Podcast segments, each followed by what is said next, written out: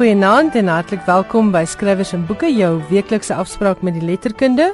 Ek is Elsje Saltzwedel. Dis Woensdag aand net na 8 en jy's ingeskakel op RSG 100 tot 104 FM. In vanaand se program gesels ek met professor Andrius Visagie oor Adam Smol se bundel Klaverjas. En ek gesels ook met die vrou wat vir Asterix en Obelix heerlike Afrikaanse stemme gegee het. Maar heel eerste luister ons na Terrence April se weeklikse insetsel oor Afrika skrywers. Vanaand is dit die beurt van Narudin Farah, 'n Somaliese skrywer. Narudin Farah is in 1945 in Baidoa, Somalië gebore. In daardie jare was die land nog onder Italiaanse beheer en kort daarna in Britse hande. Farah het na sy skoolopleiding in wêreldletterkunde en filosofie in Indië gaan studeer. Hy het teruggekeer na sy geboorteland en begin skool hou in Mogadishu. Maar die politieke situasie in Somalië het egter versleg en Farah het in 1974 die land verlaat en het ook ongewild geraak onder sy volksgenote. Die owerheid het al sy werke verban en selfs opdrag gegee dat Farah om die lewe gebring moes word. Nuruddin Farah het aan verskeie opvoedkundige instansies klas gegee en in 1998 na Suid-Afrika gekom waar hy hom kom vestig het. Nuruddin se eerste roman is From a Crooked Rib en het in 1970 verskyn. Daarna het A Naked Needle, Sweet and Sour Milk en Sardines gevolg. Onder die pryswennende werke tel Gifts van 1993 en Yesterday Tomorrow Voices from the Somali Diaspora wat in 2000 verskyn het. Baie van Farah se werke is later deur Kwela hier in Suid-Afrika heruitgegee, soos Knots en Links. Die kort biografiese skets van een van ons skrywers uit Afrika is saamgestel deur A to Z of African Writers van Robin Malan en uitgegee deur Shooter.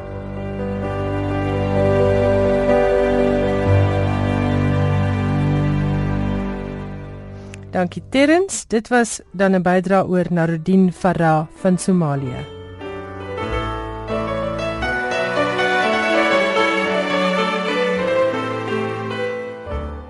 My gas vanaand in die ateljee is weer professor Andrius Visagie van die Universiteit van Pretoria se departement Afrikaans.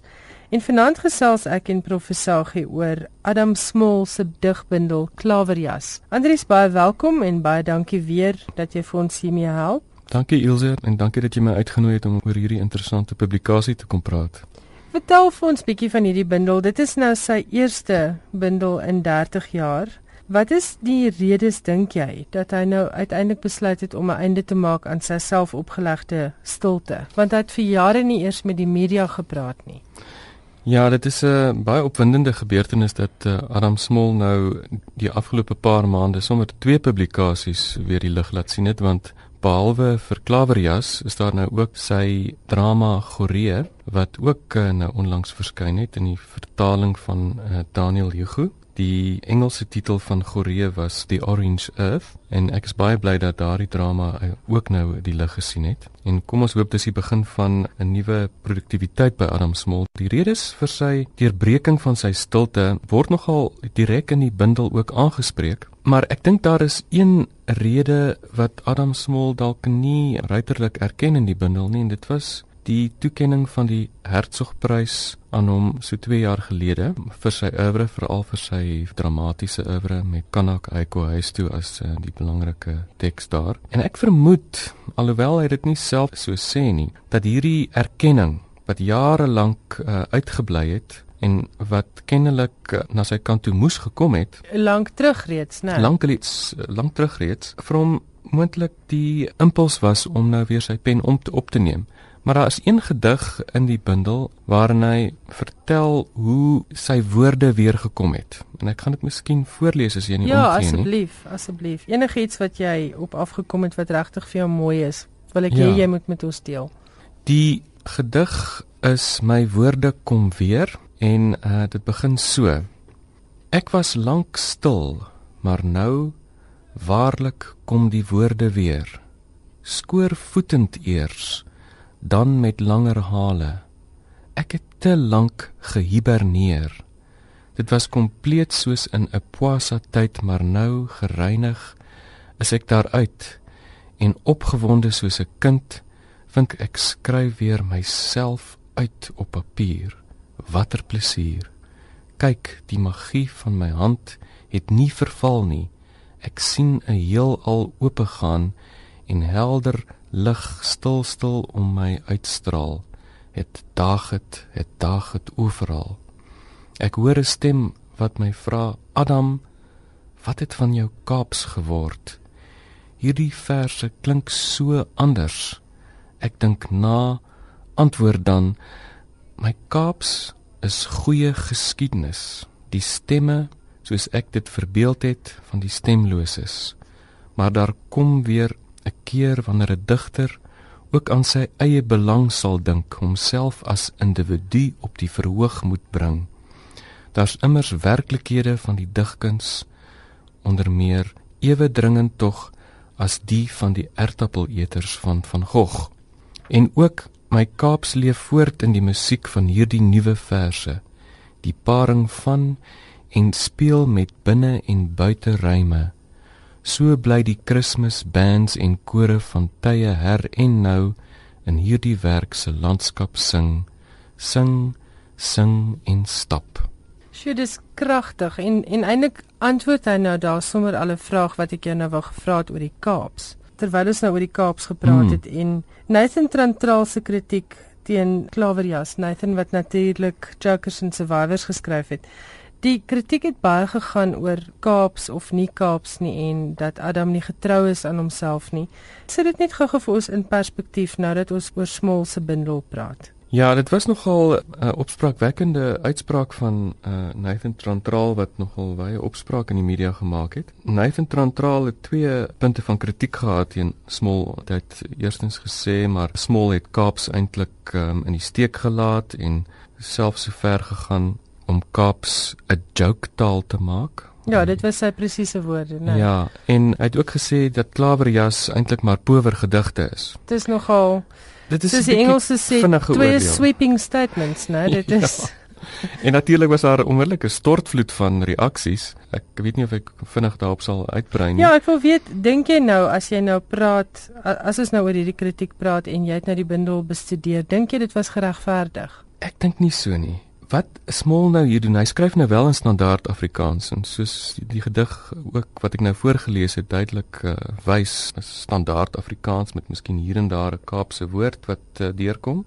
En dit is nogal uh, verrassing dink ek omdat Smol juis die uh, digter is wat al in die 1960s veral met uh, bundels soos Daar my kruis en sê Shibolet Kaaps as 'n digterlike taal geposisioneer het, né? Nee? Ja. En nou skryf hy 'n bundel wat feitelik uh, deurgangs in standaard Afrikaans is.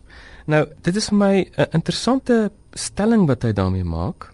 En wat ek dink smol in hierdie bundel probeer regkry is om weg te breek uit 'n etiket wat hom beperk tot 'n enkele lokaliteit, tot net die stem van die Kaapse breinmens of in die Kaapse gemeenskap. Ja, want dis wat hy nou in hierdie gedig wat jy voorgeles het ook sê, die Kaaps staan nou daar as geskiedenis vir daardie mense se stemme, maar hy wil meer as dit doen.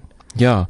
En in in 'n ander gedig, uh, maal hy vir Bruiten Bruitenberg met waardering aan, uh, die gedig met die titel aan my skrywersvriende en hy hy haal vir Bruitenberg soos volg aan aan die einde van die dag is Adam Smol die man wat van ons taal 'n lokasie, dis 'n plaaslikheid, universaliteit gemaak het. Die poësie is dieper as die mond en met baie tonge.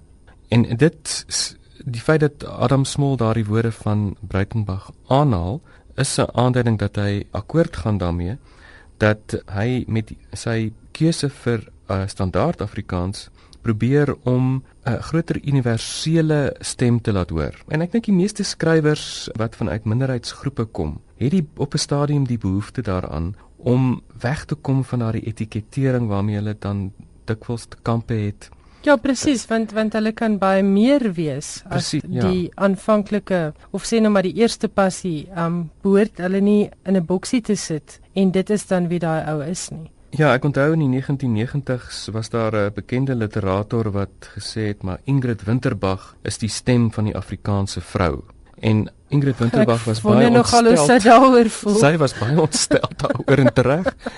En sedertdien sien ons ook nê nee, Ingrid Winterbach gaan van krag tot krag. Haar werk is kan mens uh, glad nie net uh, beperk tot uh, die stem van vroue skrywer nie. En ek dink iets soortgelyk is ook hier aan die gebeur by by Smol. Hy wil deurbreek en 'n wyeer gehoor uh, probeer bereik en oor meer temas skryf. Is ja. nie maar ekskuus dit ek jou nie rede val, maar is dit nie ook maar wat 'n skrywer doen wat byvoorbeeld sy vertroude genre verruil vir iets anders. Sien nou maar 'n liefdesroman skrywer pak 'n misdaadthriller aan of iemand wat ons ken as 'n ware romansier besluit hy wil dig. Dit is tog maar dieselfde ding om dan binne jou eie genre in verskillende stemme te praat, presies soos wat skrywers en joernaliste tussen verskillende style beweeg. Is dit nie dieselfde konsep nie? Ja, mens kan hier teruggaan na daardie opmerking van Breitenberg, né? Nee? Die poësie is dieper dieper as die mond en met baie tonge. Met baie tonge. En wat Smol in hierdie bundel doen is om ook aansluiting te vind by 'n wye aantal skrywers uit die wêreldletterkunde, uh Dostojewski, Jana Beranova wat in Nederland skryf, die visuele kunste, hy skryf gedigte oor van Gogh, heelwat oor Goya, oor El Greco. Uh, hy sluit aan, met ander woorde aan by 'n wye aantal skrywers, maar een skrywer wat 'n duidelike baie sterk stem handhaaf tot vandag toe en wat 'n soort uh, voorbeeld uh, vir Smol was en nog steeds is, is NP van Wyk Lou. Die bundel is besonder mooi uitgegee hierdie klaverjas uh, met 'n brief ja 'n Lou aan Smol geskryf het in 1961 met die verskyning van sy boek Die Eerste Steen en hy sluit dan ook die bundel af met die gedig Klaverjas is dan ook 'n um, terugkeer na van Wyk Lou se invloed op hom. En ek kan miskien 'n gedeelte ja, voorlees. Ja, asseblief. Lank gelede, meer as 'n half eeu lank, skryf jy vir my 'n brief verwysend na die onregstelsel van die tyd apartheid. Net soos u self, skryf jy, wan ook ek soms Maar wat kan ons soort mens vandag anders doen as skryf waar jy kan praat waar jy kan, probeer ooreed. Jy was so reg. Wat kan ons anders? So het al jou verse van jou hand gekom en myne van my hand. Ons speel maar klaverjas. Nou kom ons praat oor die titel. Baie interessante titel. Michael de Cordier het eh, in 'n reaksie op die bundel eh, nogal nuttige inligting oor hierdie kaartspel klaverjas ja. gegee. Nou die hat sê dit is 'n ouderwetse spel, maar blykbaar is dit 'n spel wat nog steeds so baie algemeen kaartspel wat nog baie algemeen gespeel word onder andere by die Universiteit van Wes-Kaapland sê Michael de Cordier is dit 'n kaartspel wat baie gewild was en moontlik is. En in klaverjas geld die boer of die jack soos in Engels genoem ja. word van klaver as die hoogste troef. En wat Smol hier doen is om die spelelement in sy poësie daarmee te belig met met klaverjas, maar hy doen ook meer. Dis sy troefkaart. Dis sy troefkaart. Ja, mm. hy verwys ook na God as die groot speler van klaverjas, as die een wat die troef die maklikste kan neerlê, as die beskikker van lewe op aarde. En daardeur hoor 'n mens eintlik die stem van Eugene Maree ook 'n bietjie terugkom, né, die mm. skoppensboer gedagte, né, van uh, die mens wat nie volle beheer het om te beskik oor sy eie bestaan op aarde nie. Maar um, dit is eintlik 'n baie komplekse gegewe wat Smol hier gebruik want hy sê ook in hierdie selfde gedig wat ek sopas voorgeles het, die titel Klaverjas, sê hy ons ongedwonge waarheid soeke, dis ons ewige kaartspel. Nou, met ander woorde hierdie poging van hom om nader aan die waarheid te kom deur sy poësie is dan ook sy kaartspel. En dit het hierdie elemente van lig en donker, van toeval en van berekendheid. En wat vir my uh, baie mooi is in hierdie bundel is hoe Smol sy talente as filosoof en as digter bymekaar uitbring. Sy gedigte is natuurlik speels, dit is spel met taal, maar terselfdertyd is sy gedigte ook 'n manier om sy gedagtes deur te deurdink, om dit helder en duidelik oor te bring aan die leser. Ek is nou sommer nuuskierig. Ek wonder of hy in hierdie 30 jaar lange stilte ooit geskryf het of of van hierdie gedigte nou 'n uh, uitvloeisel is van daai skryfwerk of uit daai era kom en of hy gaan sit het om hierdie gedigte vir hierdie bundel te skryf. Wat dink jy? Wat's jou gevoel? Daar's hier en daar 'n gedig, daar's byvoorbeeld 'n gedig aan sy dogter Zaidi wat duidelik al uit 'n vroeër era kom, maar ek kry die gevoel uh, hy gee ook soms tydsaanduidings in, in die individuele gedigte dat die meeste van hierdie gedigte redelik onlangs eers hulle beslag gekry het. Dit wil lyk asof dit die literêre produksie is van die onlangse tyd van die afgelope 2 jaar of so. En dit is nogal 'n uh, eh, vir my nie 'n tipe poësie wat wil afsluit of wat wil 'n einde maak aan dis testamente. Dis nie 'n gegroetery nie. Nee, glad nie. Daar is 'n soort vitaliteit in hierdie gedigte wat vir jou aandui maar hier is 'n nuwe begin mm, op die ouderdom mm. van 77, 78, ek is nie presies seker ja, hoe oud dit uh, ongelooflik uh, getuig van 'n geweldige vitaliteit by hom. So die gedigte is eerder 'n poging om verder te beweeg binne sy eie oeuvre.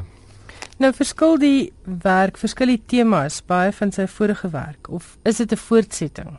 Daar is wel tekens dat hierdie bundel teruggaan na baie bekende temas in sy werk. Wat uh, interessant is ook in hierdie bundel is die voortgesette geding met God en dit is ook iets wat jy natuurlik kry by van Wyk Lou, maar hierdie bundel het my baie herinner aan 'n onlangse digbundel van Lina Spies, Tydelose gety, waarin sy 'n soortgelyke vraagstelling aan God het, 'n worsteling met haar godsdiens. Albei hierdie digters, Lina Spies en Adam Small, kan jy sien is ehm um, deurweek deur die Christelike godsdiens. Dit is hulle agtergrond.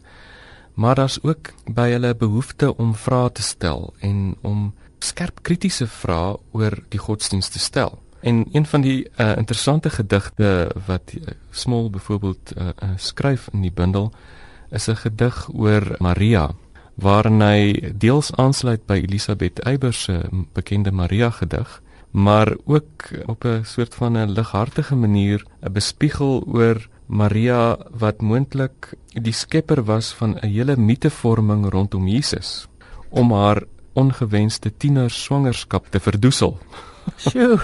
so ja, so hy hy huiwer nie om uh ja, hy hy hy, hy, hy sê hy's uh, nie besig met godslastering nie. Hy probeer daai etiket of daai um, beskuldiging teengaan. En so gaan hy verder as 'n uh, hele aantal voorbeelde waar hy ook ernstige vrae stel en nogal uh, kwaad is dat uh, daar soveel armoede en lyding op aarde is en hy vra ook vra hoekom God dit toelaat ek het geen twyfel daaroor nie dat uh, hierdie bundel die die spesifiek die uh, religieuse verse 'n baie belangrike bydrae is tot die religieuse poësie in Afrikaans. Om juis omdat uh, small homself posisioneer as 'n totaal onafhanklike denker. Hy laat hom nie lei deur voorskrifte van kerke en van teoloë en van wie dan ook nie. Hy volg sy eie gedagtegang en dit moet 'n mens bewonder. En op 'n manier is hy vir my soort van die verpersoonliking van 'n outsider, want hy het so lank buite gestaan wat ons eintlik net absoluut niks van hom gehoor het nie. Ek dink hy het tonne tyd gehad om waar te neem en gedagtes te vorm en dan nou daaroor uiteindelik te skryf. Ja, en kom ons hoop dit is uh, maar net die begin van nog uh,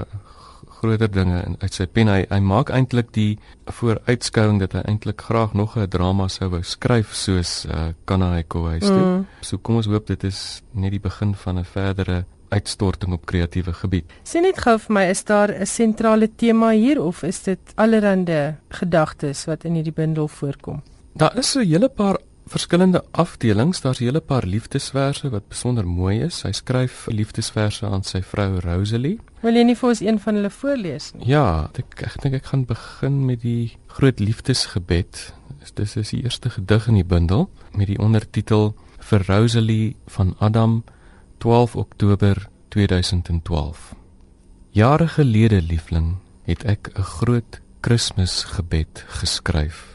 Nou skryf ek hierdie groot liefdesgebed vir jou. Ek laat jou dit kry met blomme, ook met hartseer. Die digter Bashi was reg. Blomme hoort heel te bly, nie gepluk en gebreek te word nie. Maar ons leef in 'n gebroke wêreld. Hoe anders dan? Aanvaar maar hierdie gedig so gebroke. Wanneer mens bid, sê jy God, nie omdat jy weet so iets bestaan tasbaar nie, maar die woord skyn die enigste te wees wat emosie kan bestuur. Nou liefling, God gee dat ons nog lank, langer as die 43 jaar van nou saam sal wees. Hoewel ons soos die draaikewers van Dirk Opperman die tyd om ons verby voel gaan. Ja, vinnig gaan om jou en my die tyd verby, die tyd verby. Want ek moet eersdag sterf, my liefling. Die Bybel, ondanks alles 'n wyse boek, praat van 70 jaar as 'n perk vir die leeftyd van 'n mens, iets wat langer indien jy sterk is. Ek is reeds reeds 75. Moet ek daaroor spog of pruil? Wanneer ek gaan, sal ek met my gewone stilte gaan, net miskien tussen ons die mooi klank van 'n klokkespel en sang van engele, 'n mooi chanson soos ek reis. Ek het jare gelede in 'n mindere verband gesê dat as daar nou swart en bruin en wit is, die grootste hiervan vir my die liefde bly. Laat my nou ook sê dat as berou en trane swaar in my rus oor enige pyn wat ek jou besorg het, die uitkoms hiervan vir my tog wonderlik jou liefde is. Dis verskriklik mooi, né? En dit sê oor baie goed baie meer as net oor 'n verhouding.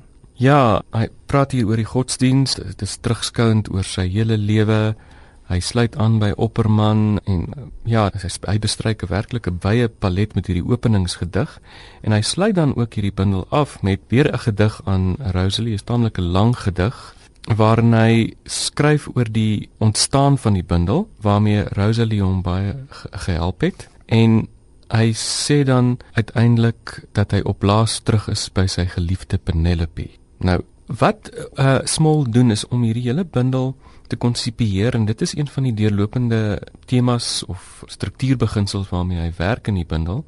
Uh hy werk met die gegewe van Odysseus wat oh. op 'n lang ballingskap was en uiteindelik teruggereis het na sy vrou Penelope. En hy kleed die hele die bundel eintlik in as 'n reis terug deur die liefde na sy vrou Rosalie. Ek persoonlik dink dit is 'n bundel wat ons almal kan aanskaf, maar vir wie sou jy sê is hierdie bundel belangrik?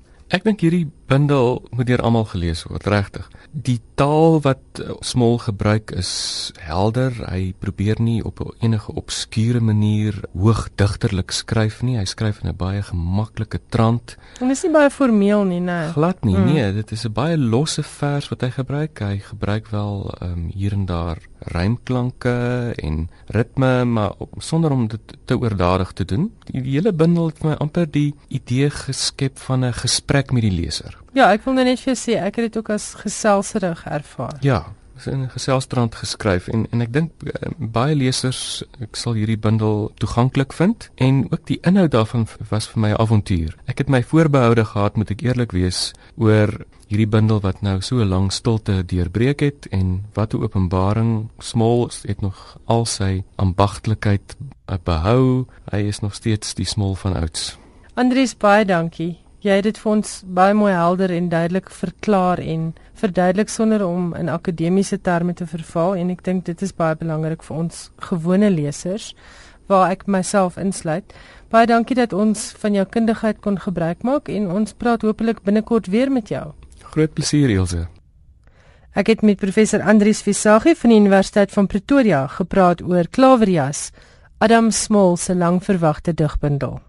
Almal ken Asterix en Obelix, maar nie almal weet hierdie wonderlike reeks boeke is nou ook in Afrikaans beskikbaar nie. Ek gesels nou met Sonja van Skalkwyk Barrois wat vir Asterix en Obelix en al die ander Romeine en Galliërs en wie weet wat nog wonderlike Afrikaanse stemme gegee het. Nou Sonja, hoe het jy betrokke geraak by hierdie lekker projek en jy het Asterix so goed in Afrikaans laat praat? Baie dankie. Ehm um, ja, dit is Nicole Stassen van Protea Uitgewers wat my gekontak het en gesê dat hulle baie bly is dat hulle uiteindelik die vertaalregte kon bekom uh by die Franse uitgewery om Asterix in Afrikaans te kan uitgee en of ek sou belangstel om dit te vertaal en natuurlik het ek onmiddellik ja gesê want van kleins af ken ek al vir Asterix so dit is my nou 'n baie lekker ding om by betrokke te raak. Maar jy woon in Frankryk. Trouwens ons gesels nou, um jy is in jou huis in Frankryk en ek is in Johannesburg. So ja. jy is goed bekend met die Franse taal. Het dit dit vir jou makliker gemaak? Ja, definitief. Want toe ek in Frankryk aangekom het, ek het ek het 'n uh, uh, Emmen Frans op Stellenbosch gedoen. En so ek ken toe nou goed boeke Frans en kon mooi lees en verstaan wat ek lees, maar is heeltemal 'n ander storie natuurlik om nou te lewe tussen Franse mense en hulle alledaagse uitdrukkings en so te hoor. En Asterix is vreeslik vol idiomatiese uitdrukkings en grappies en woordspelings en om dit alles te kan verstaan, help dit natuurlik baie om, jy weet, in Frankryk te woon en en te hoor hoe mense praat daagliks en so. Hoe lank is jy al daar? Dit gaan nou amper 20 jaar wees. So jy's goed ingeburger met die Franse taal. Taamlik ja. ja. Het jy verander aan die oorspronklike name wat in die vroeëre Afrikaanse vertalings van Asterix gebruik is? Ja, die name is 'n hele kwessie want natuurlik die twee hoofkarakters bly dieselfde, Asterix en Obelix dan al die ander karakters se name moet vertaal word dan in, ja moet vertaal word want hulle beteken almal iets in in die Frans. Dit is die die grappie elke keer is natuurlik al die Galliërs se name eindig met x. Dit mm. kom eintlik net van een karakter uit die geskiedenis met die naam Vercingetorix wat 'n groot Galliese generaal of wat ook al militêre aanvoerder was wat uh, wat wat vandag nog uh, in geskiedenisboeke bekend is. So daardie x gebruik hulle nou vir die grappie om dit nou al die al die karakters se name en dan al die Romeine se name is nou weer met 'n US. Mm. So maar hulle beteken almal iets in die Frans. So dit moet vertaal word wanneer mense na die storie vertaal om dit nog steeds snaaks te hou. So ons het dit verander wat die eerste hoofrede ons kon nie eers daaroor strei nie. Ons moes dit verander die ander name wat in die vorige Afrikaanse boeke gebruik is van dit was deur 'n ander uitgewer uitgegee en Protea het nie die kopiereg op daardie name nie. Al alwou ons hulle gebruik sou ons hulle nie kon gebruik nie. Okay. En tweedens het ons ook gedink ons gaan nou op 'n ander manier nou die name uitdink. Ons ons wil graag hê dat die ehm um, as ons 'n 'n naam met 'n X in gebruik, dan moet dit regtig deel wees van die woord. Dit moenie 'n naam wees wat ons die X soos 'n stertjie aangelas het nie. Soos byvoorbeeld ons het nou die die hoofman van die van die klein dorpie waar Asterix woon, noem ons alle Mapsticks en hy so voortvarende, bulderende karakter. en, en dis gepas. Die X is nou deel nou deel van die woord. Ja, so ons het sulke tipe woorde toe nou begin. In die dorp het. die dorpssanger ehm um, wat ek aanneem maar taamlik valserig sing, sy naam is ja is Liederlix en dit is vir my ja, so ja, fantastiese ja, woordspeling. Dit is net goed om te laat verwygaan daai kans. nou sê vir my, ja. speel jy met idiome? Wanneer jy nou na hierdie nuwe naam soek, is daar Franse idiome waarmee jy werk of is dit 'n mengsel van Franse en Afrikaanse idiome wat jou inspireer? Ek probeer kyk wat was die gees van die oorspronklike naam. Byvoorbeeld die hoofman in die Franse naam was Abrahacoursix en dit is 'n bietjie vervorming van die uitdrukking Abrahacoursix wat beteken met kort armpies. Dit beteken iemand wat bekleierig is asof hy heeltyd so staan met sy vuiste gebal en sy arms so teen sy lyf. Hy's bekleierig. Mm -hmm. So dit ek daai gees probeer weergee in die Afrikaanse alamatstiks iemand wat so sal slaan op die tafel en ja, ja. van 'n karakter. So ek beweeg heeltemal in Afrikaanse idiom, maar ek probeer om dieselfde tipe betekenis of gees of so te kry wat hulle in die Frans gekry het. Nou werk jy aanvanklik met die Franse teks of lees jy ook ja, die Engels? Ja, ek lees eers die hele Frans deur om nie om nou lekker die storie te kan sien want baie kere uh, eers teen as jy teen die einde van die van die storie kom, verstaan jy lekker al die grappies van die begin af. So ek lees dit nou eers net deur om lekker die storie uh, te ken en dan begin ek nou blokkie vir blokkie van vooraf vertaal. En hoe lank neem dit om 'n hele Asterix te vertaal? Ehm um, wel ons gee onsself oor die skedule nou van die uitgewer ons gee onsself 2 maande per boek. Daar's dele wat verskriklik vinnig gaan wat dit mis net maar geselstaal, so is nou nie so vir party soorte vertalings wat nou tegnies is wat jy vreeslik moet gaan naslaan nie, maar dan natuurlik wat baie lank kan vat is nou soos om hierdie name uit te dink of as daar grappies of woordspelings is, dit kan baie keer baie lank vat. So dan slaan ek dit so lank oor en gaan aan en kom later terug daarmee en baie keer as jy buitekant in die bos loop dink jy skielik aan 'n aan 'n plan en dan jy weet dan werk jy dit nou weer in. Lees vooruit 'n artikel wat jy gedoen het met Pieter Malan in rapport waar jy skryf van die kroegbakleierery waar 'n galleer ja. gul van 22 die Romeine. Nou vir ja. my sou dit absoluut niks seggend gewees het, maar ek sien toe nou jou verduideliking En jy het dit baie slim vertaal. Vertel gou vir die luisteraars daarvan. Ja, want die 22 die Romeine, ek het dit ook nie geken nie. Dit is my man gelukkig wat vir my vertel het dat in ou Franse rampokkerflieks het mense dikwels dit gehoor. Hulle het gesê 22 as hulle as as hulle vir mekaar skree om te waarsku hier kom die polisie. So dis 'n kodewoord. 22 die polisie. Ja, dit is hulle dit is hulle kode gewees vir dit. Jy weet onder onder boosvlug as hulle vir mekaar skree, beteken dit soos soos ons sal sê chips, jy weet, ja, ja. hier kom hulle nou aan. En dit is hoekom dit nou snaaks was as in die Frans, hulle het in Romeinse syfers die 22 geskryf en dan die Romeine. Hulle het baie sulke jy weet sulke moderne tipe goed wat hulle so ingewerk het wat nou snaaks is en wat nou glad nie inpas by die konteks nie. En 'n uh, anakronisme sal ons sê ja.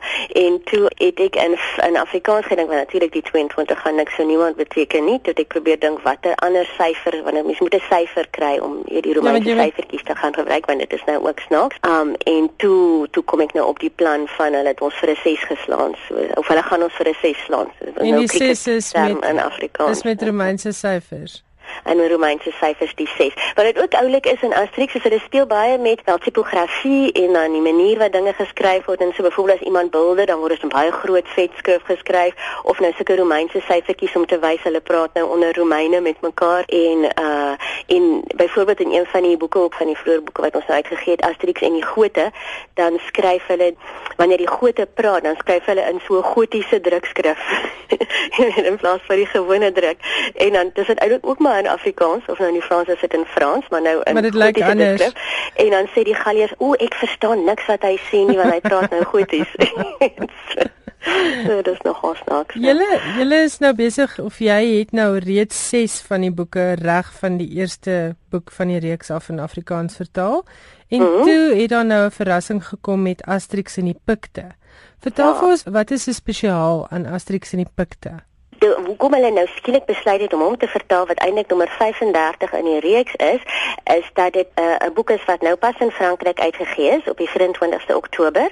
En dit is uh, iets soos ek dink 20 of 24 ander tale in die wêreld ook vertaal. En Afrikaans is nou een van daardie tale. En hulle wou dit graag in al die tale gelyktydig bekendstel. En daarom het hulle toe besluit by Protea ook dat ons gaan dit nou ook vinnig vertaal want ons wil een van hierdie handjievol tale wees wat dit nou gelyktydig met die Franse uitgawe dit uitgee saam met die wêreldbekendstelling. Wat hom so interessant maak hierdie boek is die die oorspronklike skrywer was Goscinny en die die die tekenaar was Uderzo. Goscinny is in die 70er jare oorlede toe Uderzo alleen aangehou om die boeke te skryf en te teken, maar hy is nou omtrent 86 jaar oud en hy het besluit om af te tree en toe hulle twee nuwe mense gesoek wat die stories kan skryf en die tekeninge kan maak en hulle het toe nou uh iemand met die naam DJ Conrad gekry vir die tekeninge en Jean-Yves Ferry vir die vir die teks. En dit is toe nou groot opwinding om te sien wat hierdie twee daarmee gaan maak want dit is dan 'n groot verantwoordelikheid wat hulle op hulle geneem het. En wat interessant is is die twee is albei gebore in dieselfde jaar as Asterix in 1959. So kan so hulle wat voorbestem om dit om dit oor te neem.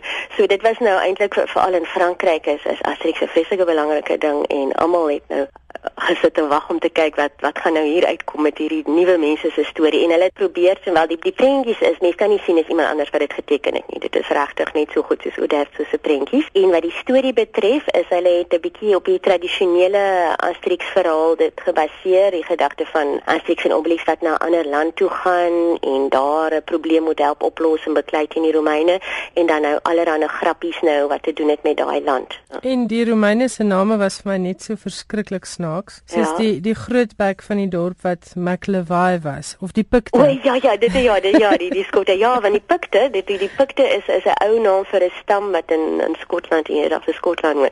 So al die name is dan nou van die van daardie uh, daar is nou met 'n mak, mak vooraan, ja. Ja, McLevy en McAber en Ja, dit ja. was regtig snaaks en ek het gehou van jou vertaling van Dogmatics na Witblix. En, en die medisyne man kon nie 'n ander naam gehad het as Caster Olix nie. Dit is net dis regtig uitstekend.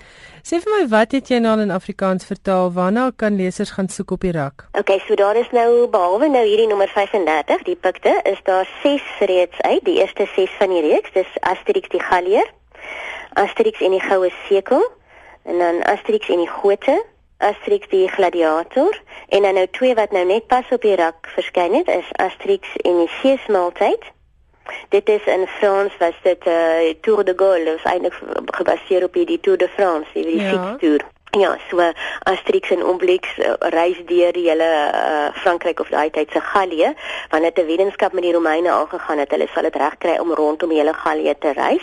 En in elke dorpie waar hulle kom, sal hulle 'n tipiese kos of drank of iets van daai dorpie um, aankoop en dan sal aan die einde van hulle reis sou hulle die Romeine uitnooi vir 'n groot feesmaal. Dis nou van daar waar die Afrikaanse naam nou kom. Ja. Ehm um, dat hulle nou kan bewys hulle was oral. So en dit is dis nogal baie snaaks ook. Uh, mens leer baie van Frankryk en van sy kos en so as jy nou hierdie boek lees. Want in elke plekie waar hulle kom is daar nou tipiese disse en dan nou allerlei grappies wat nou weet dit is daarmee.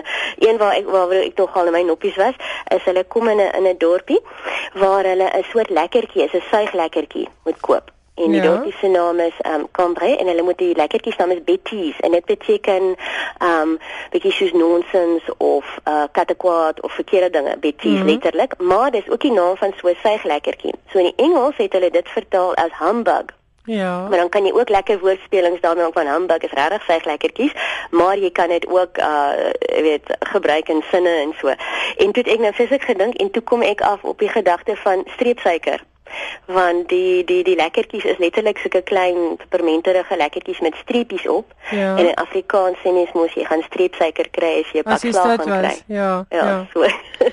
ja, so daar was lekker woordspelings in en dan die laaste nommer 6 is Asterix en Cleopatra waar hulle nou natuurlik Egipte toe gaan en vir Cleopatra moet help om 'n om 'n nuwe paleis te bou want sy het 'n wetenskap met Julius Caesar aangegaan wat gesê het haar argitekte is niks meer werd nie en sy wil nou bewys is ja hulle is en dan moet Asterix en Obelix natuurlik nou help om Hoe se Josie te red? Ja. Ons gaan niks meer sê nie. Wat maak Asterix en Obelix so gewild? Ja, ek dink Een van die hoofdinge is dat dit is regtig vir almal snaaks, vir kinders en vir volwassenes. So kinders geniet nou al die aksie en die en die en die grappies en die prentjies. Ek onthou toe ek klein was, toe ek begin lees, dan kon ek ure kyk net na die prentjies voor ek self die die storie begin lees het. Um so vir kinders is dit snaaks, volwassenes natuurlik gaan hulle meer van die woordspeling snap en verwysings na hedendaagse feite en gebeure en so. So ek dink dis die feit dat jy dit op soveel vlakke kan geniet wat Ja, en ek dink dit gee maak. dit gee vir mense half geskiedenis in 'n suikerstroopie. Dit dek nou nie elke feit en faset van geskiedenis nie. Nee, maar dit gee jou dan so 'n indruk. Ja. ja. Mm, en jy kan dit ook 'n paar keer oorlees. Dis wat lekker is ook van baie keer as jy uh, tweede, derde keer dit lees, dan kom jy eers ook van die grappies agter so. Ja, en die sketse hou mens vir ure besig. Mm, mm. Sonja baie dankie vir jou tyd. Dankie dat jy met ons gepraat het al die pad uit Frankryk en ons sien uit na die res van die Asterix boeke wat jy vir ons gaan vertel. Dankie. So gesels Sonja van Skalkwyk Baroa al die pad uit Frankryk. Die Asterix en Obelix reeks in Afrikaans word uitgegee deur Protea Uitgewers. Nou is dit tyd vir so 'n bietjie boeke nuus. Aanhangers van TT Kloete sal bly wees om te hoor dat daar pas 'n herdruk verskyn het van sy boek Die ander ek. Ons het vroeër vanjaar in skrywers en boeke oor die boek gepraat, maar die beperkte oplaag het baie gou uitverkoop en die uitgewers het nou laat weet daar was 'n tweede druk. Die boek word deur Klute self beskryf as sy literêre credo en beslaan 348 bladsye. Dit kos R320 posgeld uitgesluit en kan bestel word by die uitgewer Annetjie Botha Du Plessis. Skakelaar by 082 967 2889 of stuur 'n e-pos aan unicorn@icon.co.za. Annetjie se nommer net weer 082 967 2889 as jy TT Kloete se boek Die ander ek wil bestel. Verlede week is die wenner van die Jan Rabie en Marjorie Wallace skrywersbeurs wat deur die Universiteit van Wes-Kaapland bestuur word, aangekondig. Vanjaar se wenner is SC Nodee, ook bekend as Fani, die skrywer van die kortverhaalbundel Alfabet van die Voëls. Die twee vorige wenners van hierdie gesogte prys van 300 000 rand was natuurlik Andrei P Brink wat die geld gebruik het om sy roman Felida te skryf en die skrywer en dramaturg Willem Anker. Beoordelaars sê hulle was baie beïndruk met Nodee se projekvoorstel wat beskryf word as 'n roman wat afspeel teen die agtergrond van diaspora en binne 'n kosmopolitaanse wêreld wat daarop afgestem is om ongekaarte gebiede vir die Afrikaanse taalwêreld oop te skryf. Van skrywers en boeke se kant af dan ook baie geluk en baie voorspoed met al die harde werk wat voorlê. Nou is dit tyd vir Johan Meiburg se weeklikse insetsel oor die internasionale letterkunde. Johan Meiburg, baie welkom in die ateljee. Waaroor gesels ons vanaand? Hey, dankie Ilse oor Albert Camus. Selfs in sy eeufeesjare is Albert Camus in Frankryk 'n buitestander. So meen die dogter van die skrywer van onder meer L'étranger, La Peste en La Chute. Daar is byvoorbeeld in Frankryk geen nasionale viering van sy geboorte 100 jaar gelede nie. Dis nie vreemd nie, sê Camus se dogter, Catherine, 68 in 'n onderhoud met The Observer. Die Franse regering het nog nooit van Camus gehou nie, net soos wat hy die aanbewind verag het, het sy gesê. Hy het altyd gesê hy is in diens van die wat histories gelei het, nie van die wat geseëvier het nie. Op baie maniere is Camus steeds 'n buitestander in Frankryk. Ek vind dit vreemd dat ministers nie besef wat Camus vir die land beteken nie, maar ek, het sy gesê, is trots op hom en vir dit wat hy vir Frankryk beteken. Algerië, sy geboorteland, is ewenigs nie gaande oor Camus nie. Die land beskou hom as 'n kolonialis wat neergesien het op die Arabiese wêreld. En nadat hy swaarde gekruis het met die kommunistiese party en weldra uit die party geskop is, was hy ook nie hoog op die Sowjetunie se voorkeurlys nie. Albert Camus is op 7 November 1913 in Mondovi in Algerië gebore. Sy pa is in 1914 in 'n veldslag dood en Camus het arm groot geword. Sy ma was ongeletterd, hardhorend en het as 'n skoolmaker gewerk. 'n Oplettende onderwyser het die skrander Camus bly aanmoedig en hy is uiteindelik na die universiteit in Algiers. Hy het eers gewerk as joernalis, daarna by die Franse weerstandsbeweging aangesluit en hom later op sy skryfwerk toegelê. Sy roem as skrywer is gegrond op drie romans wat vertaal sou neerkom op Die Buitestander 1942, Die Pes 1947 en Die Val van 1956. In 1934 is hy getroud met Simone E. Hulle is in 36 uitmekaar en 40 is hy getroud met Francine Forêt, die ma van die tweeling Jean en Catherine. Camus het in 57 die Nobelprys vir letterkunde ontvang. Hy was die tweede jongste ontvanger, die jongste was Rudyard Kipling. In 1960 is Camus dood in 'n motorongeluk. Hy was 46.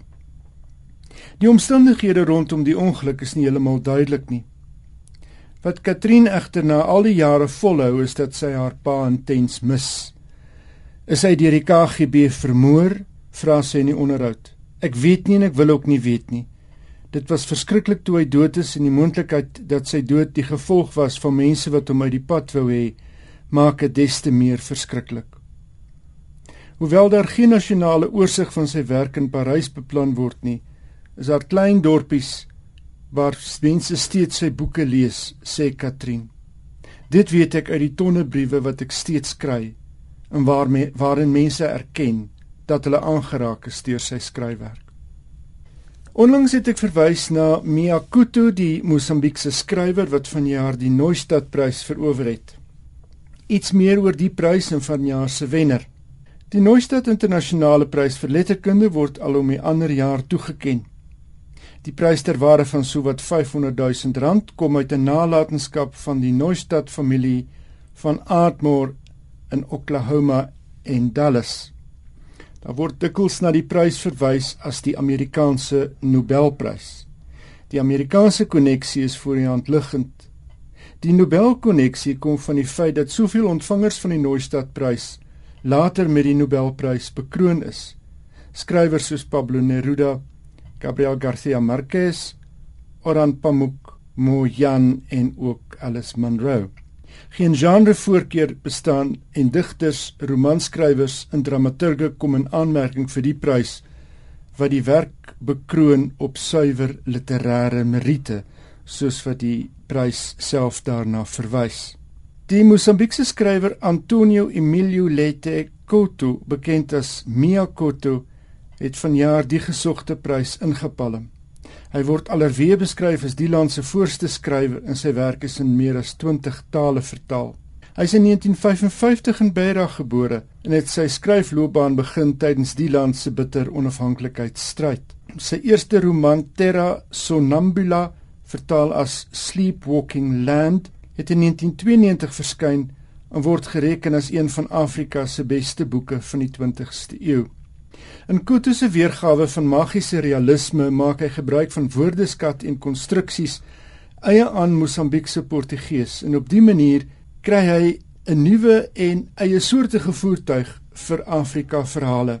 Deel hiervan is raaisels, legendes en verwikkelde metafore wat aan sy skryfwerk 'n besonder poëtiese kwaliteit gee. Die Neustadt-prys word volgende jaar aan Kutu oorhandig. Dit is altyd so lekker om te hoor as 'n Afrika skrywer internasionale erkenning kry, veral van 'n landjie wat so aanvlardig geskied is soos Mosambiek. Soos Mosambiek. Elsje die Britse dagblad The Guardian het verskeie skrywers gevra om die boek of boeke van die jaar aan te beveel vir boekwurms se kerskouse. William Boyd, skrywer van onder meer Brazzaville Beach en An Ice Cream War en ook die skrywer van die nuwe James Bond fliek Solo, Die draaiboek daarvan het twee boeke op sy lys. Albei met die woord ontbyt in die titel. Breakfast with Lucian deur Geordie Greek en Breakfast at Sotheby's deur Philip Hook. Dis Greek se betowerende intieme biografie van die skilder Lucian Freud wat Boyd so beïndruk. Van Freud se estetiese vertrekpunt tot die binnekamer geskinder oor die befaamde Britse skilder wat in 2011 dood is. Hoek se boek oor die afslaer Sotheby's is volgens Boyd 'n kunsles in minder as 350 bladsye. Wrang sê hy, droog, maar boeiend. Eleanor Catton, vanjaar se wenner van die Man Booker Prys vir haar tweede roman The Luminaries, het die debuut van Emma McBride uitgesonder. A girl is a half-formed thing herinner volgens Catton aan Faulkner se The Sound and the Fury. Op haar lys is ook Colin McAdam se A Beautiful Truth en Elizabeth Knox se Mortal Fire. Barbara Kingsolver, skrywer van onder meer The Poisonwood Bible en Light Behavior, het twee debute uitgesonder. The Golem and the Genie deur Helen Wecker en Susan Nussbaum se Good Kings, Bad Kings. Die laaste boek verskyn eers volgende jaar in Maart. Hilary Mantel se keuse het geval op Hermione Lee se jongste biografie. Lee is die skrywer sal jy onthou wat in 1996 daardie wonderlike biografie oor Virginia Woolf die lig laat sien het. Pas het Penelope Fitzgerald, A Life, verskyn.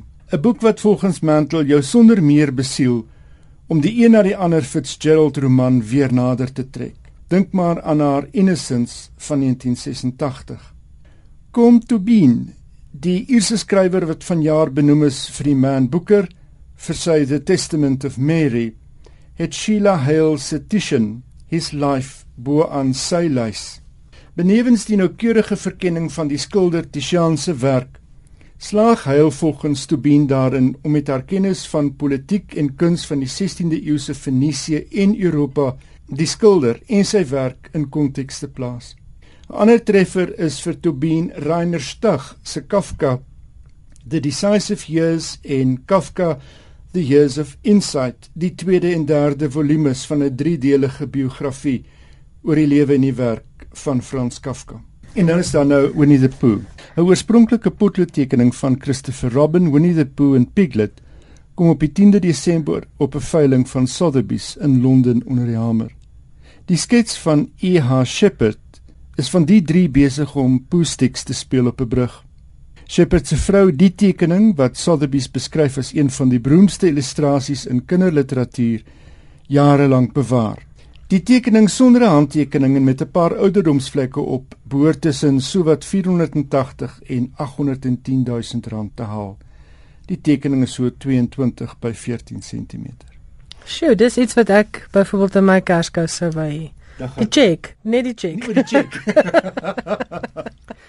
Dankie Johan Meiburg. Johan is natuurlik die kunsredakteur by die dagblad Beeld. Dis dan nou eers al vir vanaand. Onthou ons is terug volgende Woensdag aand tussen 8 en 9 en maak solank 'n groot knoop in die oor vir ons spesiale program op 18 Desember wanneer ons gesels oor kinder- en tienerboeke. Dis 'n program waarvoor jy gerus ook die kinders kan nooi om te luister. Kenners op verskeie vakgebiede waarsku ons as ouers dat dit noodsaaklik is dat ons 'n leeskultuur onder ons kinders vestig. En met hierdie program wil ek graag die jong klomp inspireer om weer te begin lees. En ek wil ook sommer die mite die nek inslaan dat daar regtig niks in Afrikaans is om te lees nie. Ek hoor dit so dikwels by ouers wat vir my sê, "Haai, weet jy wat, my kind kry net niks in Afrikaans om te lees nie." Ek gesels vir hierdie program met die bekroonde skrywer Jaco Jacobs en ook met Eldridge Jason, die skrywer van Gerook. En dan die lekker verrassing, daar kom 'n hele klompie jong lesers vertel watter boeke hulle vanjaar baie geniet het. Jy gaan verseker ook 'n idee of twee vir Kersgeskenke uit hierdie program kry. Onthou dus 18 Desember ons spesiale program oor kinder- en jeugboeke. As jy ons wil kontak, ons SMS-nommer is 3343 en elke SMS kos R1.50. Die e-posadres is skrywersenboeke@rsg.co.za. En onthou, ons is ook op Facebook as Skrywers en Boeke. Vanaand se program is oudergewoonte beskikbaar as 'n potgooi by rsg.co.za. Volg net die maklike stappe. Dis dan nou al vir vanaand en daarmee groet ek Elsje Saltzfeld tot volgende Woensdag aand. Ek hoop jy het 'n heerlike eerste week van Desember.